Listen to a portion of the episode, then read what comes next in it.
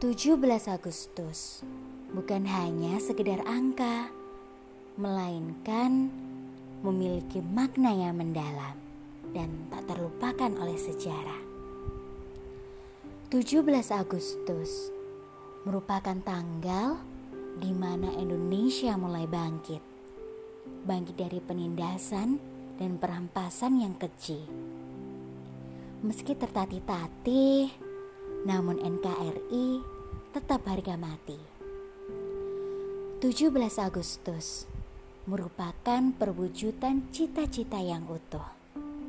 Membangun sebuah negeri dengan tulus tanpa ada rasa takut sedikit pun. Inilah negeriku, Indonesia. Memiliki daya juang, semangat tinggi untuk membangun negeri dengan rasa optimis, bekerja keras tanpa lelah, menghormati perbedaan, Indonesia jaya, merdeka.